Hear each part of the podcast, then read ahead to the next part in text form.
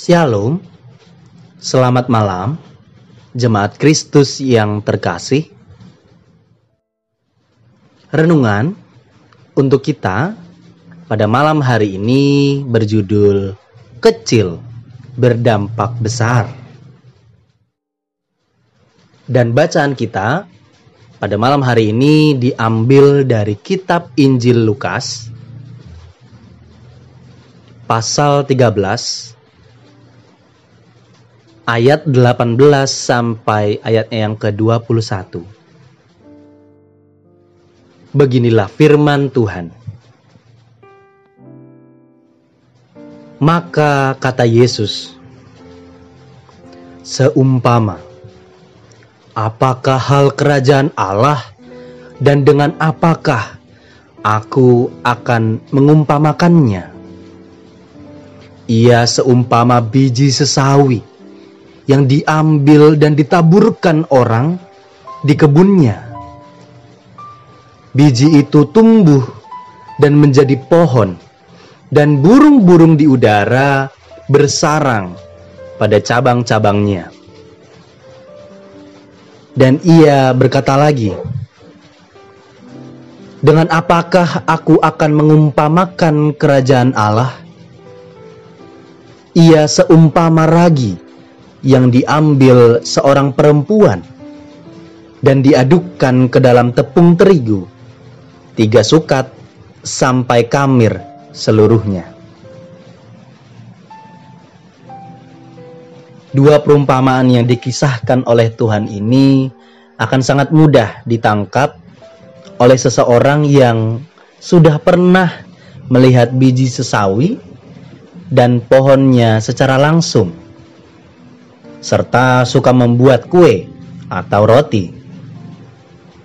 Bapak Ibu yang terkasih, bagi seseorang yang disebutkan di atas akan mudah memahami bagaimana biji sesawi dan ragi yang wujudnya begitu kecil dan kemudian berubah menjadi sesuatu yang besar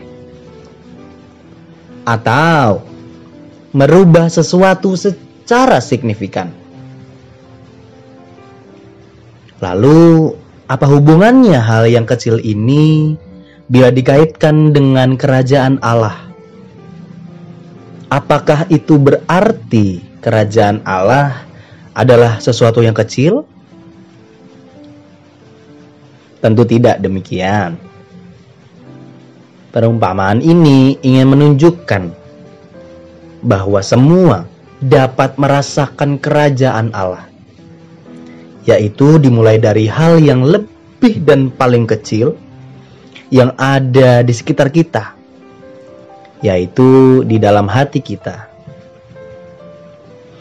Bila hati kita sudah dipenuhi oleh hal kerajaan Allah, maka sesuatu yang kecil dan sederhana itu justru akan mampu merubah kehidupan kita. Pun juga bila ada yang memulai untuk menjadi dampak yang baik dalam sebuah komunitas lambat laun yang kecil dan sederhana itu akan merubah apa yang buruk, apa yang ada sebelumnya. Dengan begitu, kita akan memahami bahwa kerajaan Allah bukan sesuatu yang sulit digapai dan hanya menjadi urusan orang tertentu Kerajaan Allah adalah untuk siapa pun tak peduli sesederhana apa pun ia. Oleh karena itu, carilah dahulu kerajaan Allah dan kebenarannya. Maka semuanya akan ditambahkan kepadamu.